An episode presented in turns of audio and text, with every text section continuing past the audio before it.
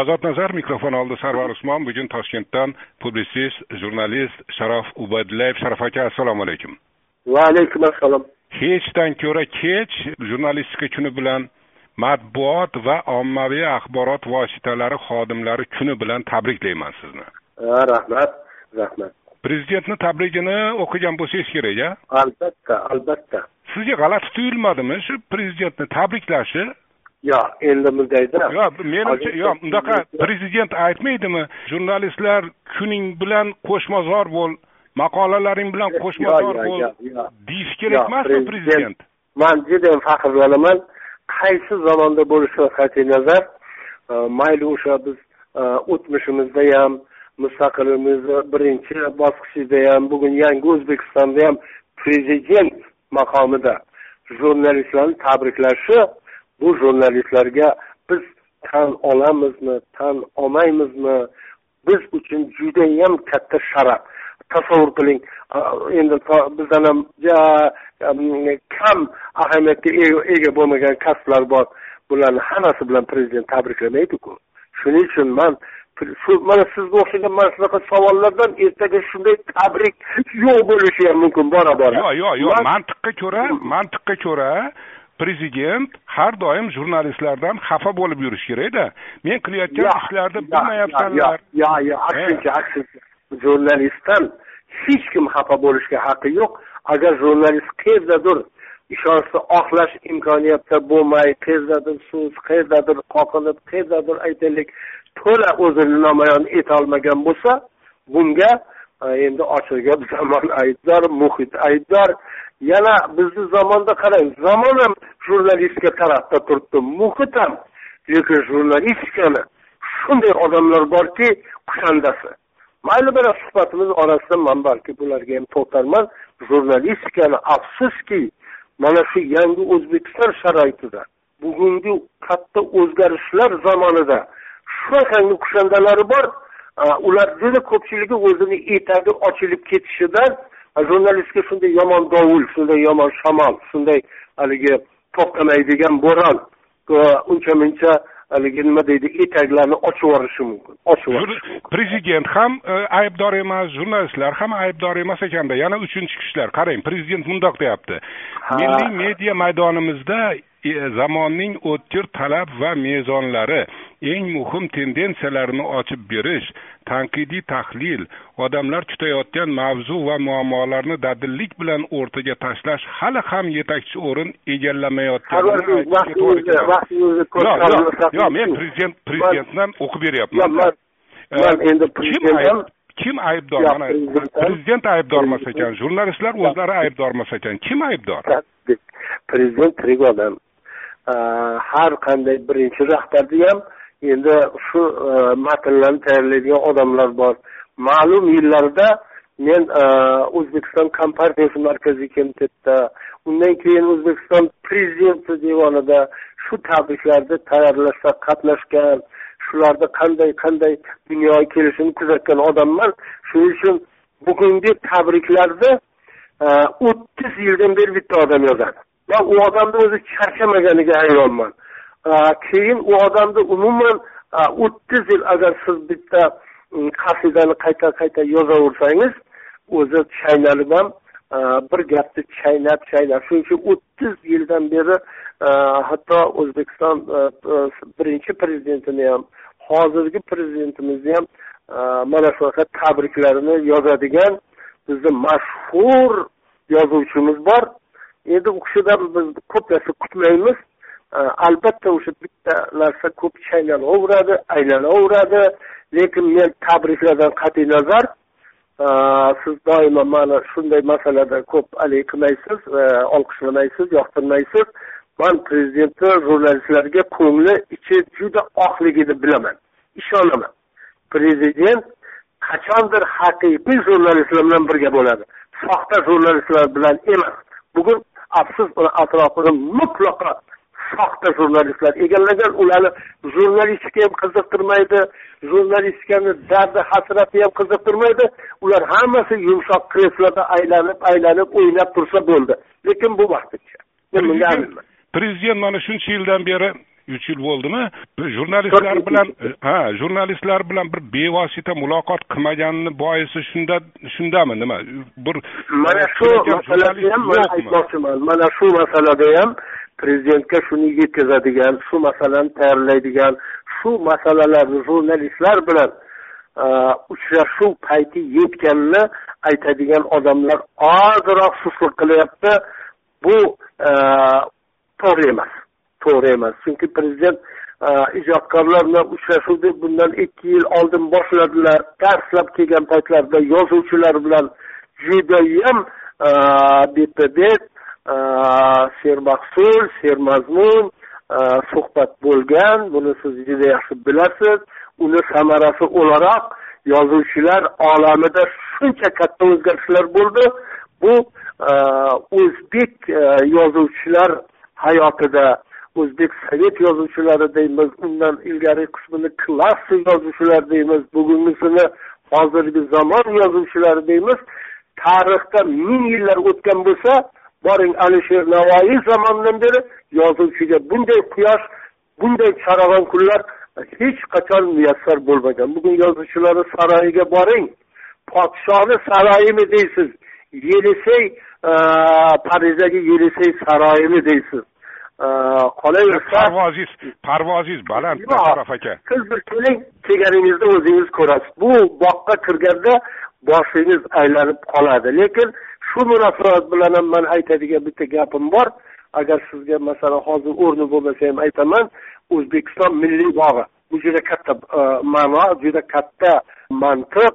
O'zbekiston milliy bog'i faqat yozuvchilardan iborat desak unda biz muso al xorazmiy at termiziy qolaversa meditsinamizni otasi ibn sino osmon falakiyotni aytaylik bilimdoni mirzo ulug'bek shular o'zbek bo'lsa milliy bog'imizda ular qayerda bo'lishi kerak degan savolga bugun javob beradigan odamlar hammasi yerga qaraydi manimcha eng yuqorida ana shu odamlar turishi kerak agar alisher navoiy hazratlari shu bog'ga kelganda u kishi so'zlarda aytar edi.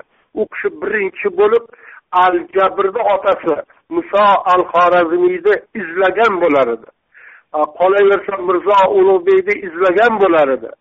Endi faqat e, ochiq gap dunyo faqat adabiyotdan iborat e, odob faqat adabiyotdan o'rganiladi desak bu juda kamlik qiladi. Judayam e, sayoz qaragan bo'lamiz. Shuning uchun qachondir bizni milliy bog'imizni yana bir yuqori pog'onasi bizni o'zbek millatini dunyoga tanitgan olimlarimiz boring aytaylik boshqa adabiyot san'at sohasini namoyandalari bilan to'lsa shunda bir millat yuzaga chiqqan bo'ladi. To'liq yaxshi gap. Yaxshi gap lekin mavzudan chalg'imaylik matbuot va ommaviy axborot vositalari xodimlari kunidan ikki kun o'tib gaplashib turibmiz. Shu sohani bir vakili baxtiyor karim adabiyot gazetasini redaktori yigirma hozir aytaman yigirma uch kundan beri karantin lagerida ushlab turilibdi va u kishi o'zi siyosiy faoliyatiga bog'layapti. Yangi tashkil qilinayotgan partiyani tuzishdagi roliga bog'layapti. Shu yerda ushlab turilishini. Siz e, ishonasizmi shu baxtiyor karimni iddaosiga endi bu e, baxtiyor karimni o'zini iddaosi bo'lishi mumkin. Lekin bu eshitgan har bir odamda ham shunday shubha uyg'otadi man ochiq gap endi e, hozir shuni o'rni mazkur juda kech eshitdim kech eshitishim sababi mani o'zim ham karantinda emasu kasalxonada edim masalan mana shu yerga kelganimdan beri ikki yildan beri отпуска qilmagandim ochiq gap shu yigirma kun mana parallel baxtiyor karim bilan man ham nimada emas edim haligi faol nimada emas edim harakatda emas edim eshitganimga bugun uchinchi kun bo'ldi ochiq gap shu orada men amerika ovozini qolaversa juda haligi dunyo miqyosida o'zini o'rni bo'lgan jahongir muhammadni chiqishini qolaversa qidir nazar o'zini chiqishini va bir qancha haligi nima deydi u qit'adan bu qit'adan bu siyosatdan boshqa narsa emas degan gaplarni eshitdim. Endi bu yerda siyosat bormi yoki bu yerda tabobat bormi shunday gaplar chiqqaniga hozir bir hafta bo'libdi shu gapni ko'tarilganiga. Chunki o'n to'rt kundan keyin har xil karantinni muddati o'n to'rt kun deb qo'yilgan. Butun dunyoda hatto o'n to'rt kun bo'lmagan joylar ham ko'p ekan qisqa ekan. A bizda o'n to'rt kun ekan davlatimizni marhamati bilan o'n to'rt kun biz e, bemorlarda bemorlarni shubha ostida bo'lgan hokazo hokazo odamlarni olib borib o'n to'rt kun shu karantindan o'tkazib javobini beryapmiz. Hali o'n besh kun ushlangan odamni eshitganimiz yo'q. Endi shunday paytda bugun siyosatda o'ziga xos bir yo'l tutib o'zini qarashlari bilan ayrim odamlarga e, siyosiy oppozitsiyaga aylanib turgan baxtiyor karimni shu yerda yigirma kun ushlab turish bu boring aytaylik zaruratdir boring aytaylik tabobatni hukmidir. Boring aytaylik shunday bo'lishi adolatlidir. Lekin shunday shubhalar chiqqandan keyin bizda meditsinani arboblari hammasi karantinga tushganmi shodmonov degan butun shodmonovni o'rinbosarlari qaysi qaysi aytaylik mm, epidemiologiyani rahbarlari man yozma yozishmalarini ham e, jahongir e'lon qildi. Bular ko'rmaydimi shuni? Yo'q yo'q xabari bor. Xabari bor xabari bor. endi manda bitta shubha tug'iladi. Masalan o'zimda mana man masalan aytamanki shunga prezident devoni aloqasi yo'q. Man buni aniq bilaman. Prezidentga prezident devonidagi o'rtoqlarni bir qismiga bir qismiga lekin. Bunday muammoni keragi yo'q. Bunaqa muammo bizni u yerda yoqtirmaydigan odamlar talaygina bor. Masalan man administratsiyaga ham to'la ishonaman shu administratsiya rahbari nizomiydirdan bundan xabari yo'q. Lekin ijtimoiy sohalar bo'yicha maslahatchi bor. Bu ijtimoiy sohalar maslahatchisi e, endi man gapirib nechi marta aytdim. Bu odam e, butun qarindosh urug'i bilan narxoz degan institutda ilma teshik qilib o'n ikkita qosimovchilar kafedra mudiri dekan qudasi qizi kuyovi hammasi narxozni egallagan va narxoz portladi. Xabaringiz bor. Hatto shularni kasofatiga narxozdan sakson yettita pensionerni ishdan haydagan ekan biz aralashdik.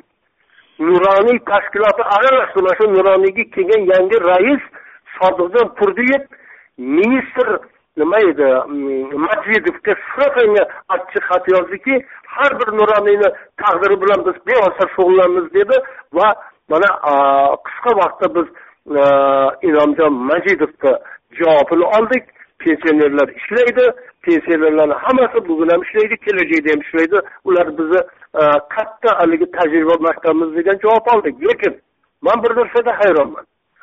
Ijtimoiy sohalarni rahbari bir odamni partiya tuzgani uchun siyosatchi bo'lgani uchun hokazo hokazo mana yigirma nechi kun ushlab turilibdi degan siyosiy aybnomalarga bizni ijtimoiy sohalar bo'yicha maslahatchimiz nega aralashmaydi? Uni agar qiziqda yo'q hozir siz sizni gapingizni mantig'i ham qiziqda hozir masalan baxtiyor karimni o'sha yerda ushlab turilishiga e, prezident administratsiyasi o'sha ijtimoiy masalalar bo'yicha maslahatchi aralashmagani uchun ushlab turilibdi deyapsizda. Aralashsa qo'yib yuboradigan bo'lsa. man aytyapman prezident apparatda masalan administratsiya xabardor bo'lishi ga man ishonmayman. Xabardor bo'lganda buni ushlanib turishini aniqlik kiritgan bo'lardi aniqlik. Lekin ijtimoiy sohalar bo'yicha maslahatchi. Mana man narxozni mana uchinchi to'rtinchida gapiryapman. Narxozdan bitta qudasini agar bo'shatib yuboring bu maslahatchi o'sha kuni butun o'zbekistonni oyog'ini osmondan keltirib yuboradi. Ochiq gap bu hayronman. Bir siyosiy aybnoma e'lon qilyapti siyosiy ayblovlardan shubha qilinyapti. Amerika gapiryapti. Amerikadan turib o'zbekistondan turib gapiryapti. Keyin baxtiyor karim har ikki tomondan birinchidan redaktor bo'lganligi uchun ijtimoiy sohalarni vakili bo'lgani uchun qolaversa siyosiy partiya ustida gap ketyapti. Butun gazetani bosh redaktori qolaversa bu oddiy gazeta emas. Man yana qayta aytaman bu bugun o'zbekistonda oddiy gazeta emas kimlardir buni shaxsiy xususiy gazeta deydi. Endi o'zbekistonda bitta shaxsiy xususiy gazeta bor ekan. Endi qolgani hammasi hukumatniki ekan. Hammasi yugurdak hammasi laganbardor hammasini og'zi allaqachon yumilgan iskovushlab tashlangan u bechora redaktorlarga man rahmim keladi. Shu gazetadagi hamma redaktorlar bilan qaysidir yillar ishlashganman. Mana endi ochiq gap bularni birontasi haqida bu ijtimoiy sohalarni maslahatchisi bir shunday bitta bu adabiyot gazetasi yana aytaman oddiy gazeta emas uni har bir soni o'n ming so'm turadi. Chiqqandan keyin qancha qancha uni izlab haligi qiladi. U bechora gazetani bostirolmaydi bostirgandan keyin sotish problemasi bironta kiyovkaga olmaysan deb qo'ygan. Gazeta bilan shunday qilib kurashgandan ko'ra gazeta bilan hamkor bo'lsak bo'lmaydimi? Ijtimoiy sohalarni agar maslahatchisi o'zini o'rnida bo'lganda edi bu gazeta allaqachon birinchidan yangi o'zbekistonga xizmat qilgan bo'lar edi ikkinchidan millatga xizmat qilgan bo'lar edi tushundim. Hozirgi gaplaringiz orasida so'ramoqchi bo'lganim bir mavzuga teginib o'tdingiz. Shu kunni matbuoti to'g'risida. Endi men siz bilan gaplashaverib sharof ubaydullayev shunos bo'lib qoldim desam ham bo'ladi. Jurnalistikaga kirib kelganingizga o'sha talabalik yillaringizni qo'shadigan bo'lsak oltmish yil bo'ldi to'g'rimi? Yashang. Oltmish yil bo'ldi. Oltmish yilda ha. bir nima bir nima tekshirib boryapsiz ekanda ha shunaqa ubaydullayev shunosman men. Ho'p endi oltmish faxrlanaman agar sarvar usmon degan odamman tarjimai holimga bir e'tibor qarasa man faxrlanaman. Shu joyni shu joyni kesib yubormayman. Ho'p endi sharof aka siz o'sha kommunistik jurnalistikani ham ko'rdingiz. Karimov davridagi jurnalistikani ham ko'rdingiz. Mana bugungi jurnalistikani ham ko'ryapsizda. Bir farq farq bormi yo'qmi? Bo'lsa nimada farq? Endi man shu bilan birga agar jurnalistikaga baho berish kerak bo'lsa birinchidan aytgan bo'lardim o'zi jurnalistika nima? Boshqa kasblardan nimasi bilan farq qiladi? Jurnalist o'zi kim? U boshqa kasblardan nimasi bilan farq qiladi? Shu nuqtai nazardan shu prizmadan qaralsa jurnalistikaga bergan bahomiz ham ozmi ko'pmi adolatli bo'lishi mumkin.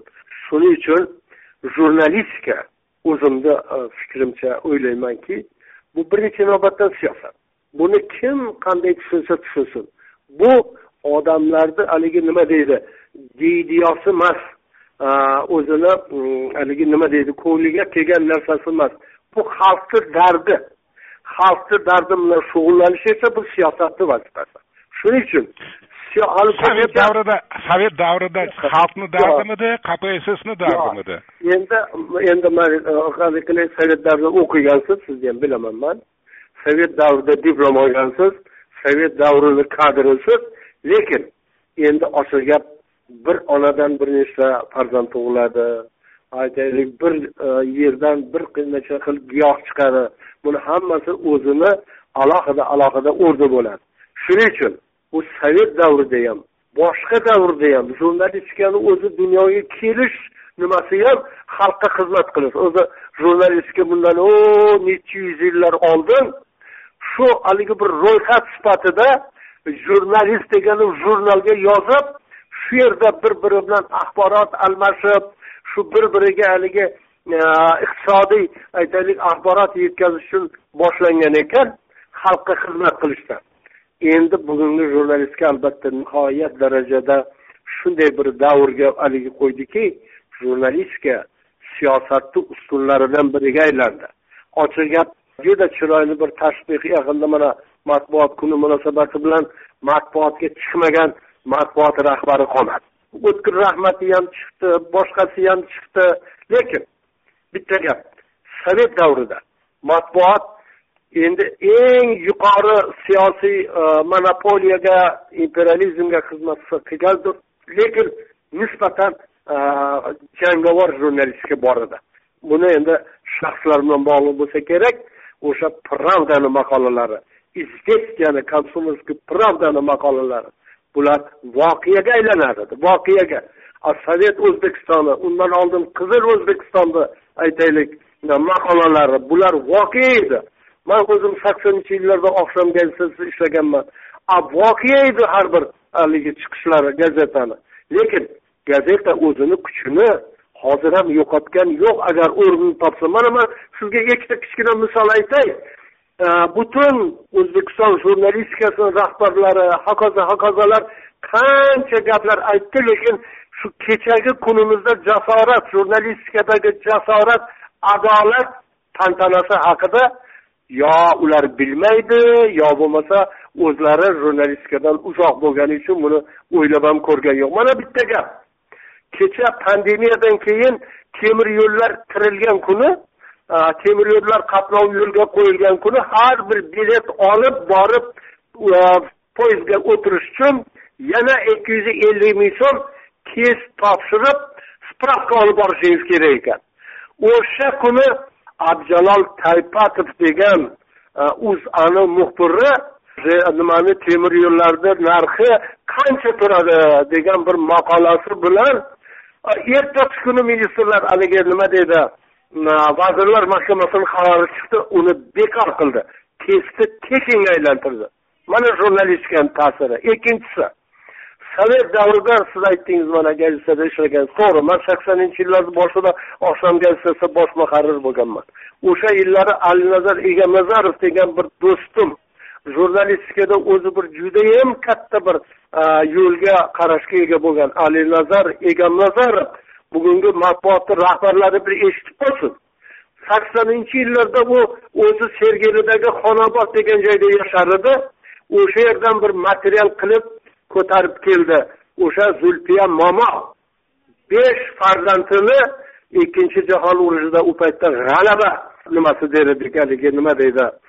Bayrami der edik ulug' vatan urushi der edik ana shu ulug' vatan urushida qurbon bo'lgan besh farzandni onasini biz gazetada ko'targanmiz. Alnazar egamnazar egamnazarov muallif sifatida.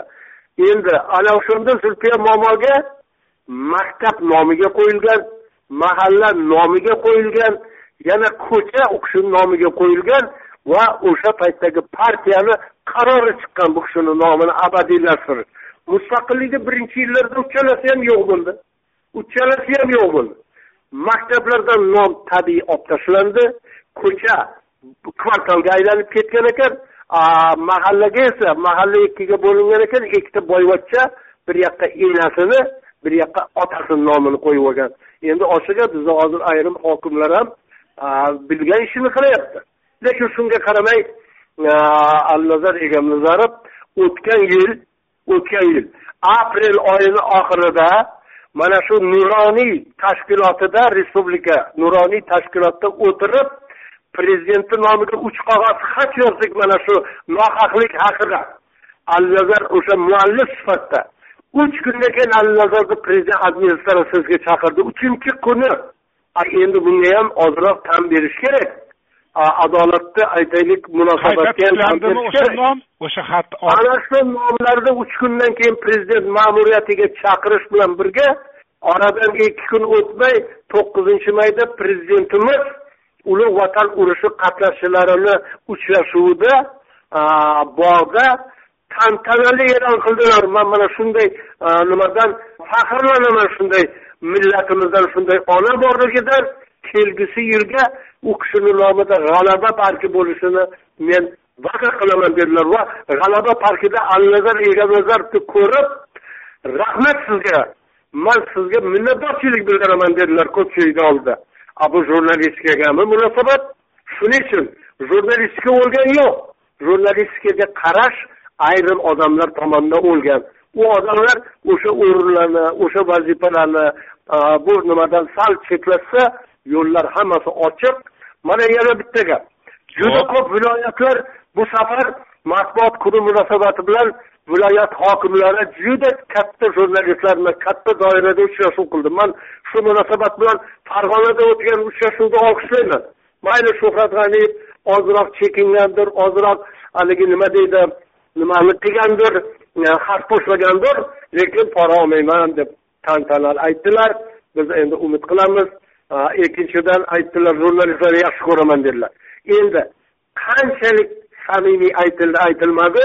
Katta уровеньda viloyat уровеньda respublika e, miqyosida jurnalistlarni mehnatini tan olib turish ularga baho berish bu juda katta voqea. Man kecha hokimlarni uchrashuvlaridan sirdaryo hokimi g'ofurjon mirzayevni jurnalistlar bilan uchrashuvini man sirdaryolik jurnalistlardan eshitdim to'rt besh kishi matbuot kuni munosabati bilan telefon qilib tabrik orasida ey kelmadingizda taklifda bor ekansiz ro'yxatni tepasida ekansiz nimaga kelmadingiz g'ofurjon mirzayev nihoyatda ajoyib odam dedi men ajoyibligini bilaman matbuot kuni munosabati bilan sirdaryoda qanaqangi e, jurnalistlarga e, aytilgan e, olqishlarni iliq gaplardan oz moz eshitib juda xursand bo'ldim. Lekin shu munosabat bilan aytay sirdaryoni baxtiga mana shunday hokim.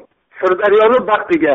Mana sardoba man bir narsadan xabarim bor. Xudo xohlasa vaqti keladi man batafsil o'sha yo'llarni g'ofurjon mirzayevni o'zi bilan birga yurib o'sha sardobani yo'li sardoba o'pirilgan kuni kecha soat to'rtda g'ofurjon mirzayev uyg'oq ekan. Dunyoni ishini qarang. O'sha kuni uxlolmadim o'sha kuni ko'zimga uyqu kelmadi bezovta bezovtaligim telefon bilan uzildi va telefonda sardoba o'pirilib ketdi. Hokim bova tez yetib keling dedi. Man ikki yuz odamni uyg'otishga muyassar bo'ldim dedi. Ikki yuz? Haligi nima deydi? Mahkamani viloyatni e, mulozimlarini va butun transportlarni kuchi bilan yigirma besh ming o'ttiz ming odamni o'sha sardobaga yetib borguncha uyg'otib sardobani haligi juda katta o'pirilishni yo'lidan odamlarni qutqarib qolishga muyassar bo'linganligini man xabarim bor. Endi hali ko'p narsalar ochiq aytilgan yo'q. Ko'p narsalarni biz xas yomon o'rganganmiz. Sardoba haqida gapirmang deb bizni matbuot qo'mitamiz. Birinchidan odamlarni og'ziga urdi. Bir necha kun suv suzib ketgan haligi degan gaplarni aytib ko'rtishqon tulki turli xil yumron qoziq shular ustida ham bizni tergov organlarimiz lekin bir narsani aytib qo'yay. Agar o'sha kuni tegishli tadbir qilinmaganda edi judayam fojiani chegarasini dahshatini o'lchab bo'lmas edi. Buni sirdaryoliklar juda yaxshi biladi bugun. Ana o'sha bugun e, sirdaryoni e, sardobani o'pirilishi natijasida o'n minglab qoramollar e, nimani tagida qolib ketdi haligi loyqani tagida o'n minglab. Endi man gapimga javob beraman. O'n minglab odam ham qolib ketishi mumkin edi agar o'sha kuni g'ofurjon mirzayev jasorat bilan butun viloyatni oyoqqa turg'izmaganda o'n minglab odam bu selni tagida loyqani tagida sardobani loyqasini tagida qolib ketardi. Xudoga shukur judayam kam qurbonlar berildi. Bunga ham xudoga shukur qilishimiz kerak. Endi gap matbuot haqida edi sarvarbek man o'ylayman bugun matbuotimizni shunday bayrami hali aks sadosi tugagani yo'q. Hali bayramni nashidasi ketyapti hali jurnalistlar bir birini tabriklayapti tabriklangan qismidan ilhomlanyapti. Lekin shunday kunda e, adabiyot gazetasini redaktori bugun o'zbekistonda jamiki aytaylik millatni yuz minglab o'quvchisini ilhomlantirib to'lqinlantirib turgan mana shu gazetani redaktori agar e, bu tasodifni ham qarang haligi e, respublika teri tanosul kasalliklarida oltinchi palatada yotib kelgan oltinchi palatada. Bu chexni oltinchi palatasimi? Chexni oltinchi palatasida ham sal insof bo'ling ozroq insof qiling. Endi man shu munosabat aytaman. Mayli agar u mana ertaga aytish mumkin. Mana mana mana bunaqa kasallari bor. Baxtiyor karimni tirnog'idan chochigacha hamma kasal bosib ketgan deydigan bo'lsa amerika gapiryapti butun dunyo gapiryapti. Endi nima endi ovozdan muhokama qilish kerakmi? Nazar alloh shukurga o'xshab ovozdan borib yana bir qog'oz olib kelish kerakmi? A bir odam izoh bersa bo'lmaydimi? Shuning uchun man o'ylayman izoh kerak. Buni bir og'iz tushuntirish kerak. Millionlab odamda yomon shubhalar uyg'otish kimga kerak? Prezidentga soya tushirish kimga kerak? Yangi o'zbekistonda oyog'idan chalish kimga kerak? Sochidan tirnog'igacha aytaylik botqoqqa botgan odamlarga kerak. Chunki ular etagi ochilib ketishdan qo'rqadi. Qo'rqing lekin qochib qutulolmaysiz tamom toshkentdan sharof ubaydullayev edi rahmat domla. Salomat bo'ling rahmat. Ho'p ho'p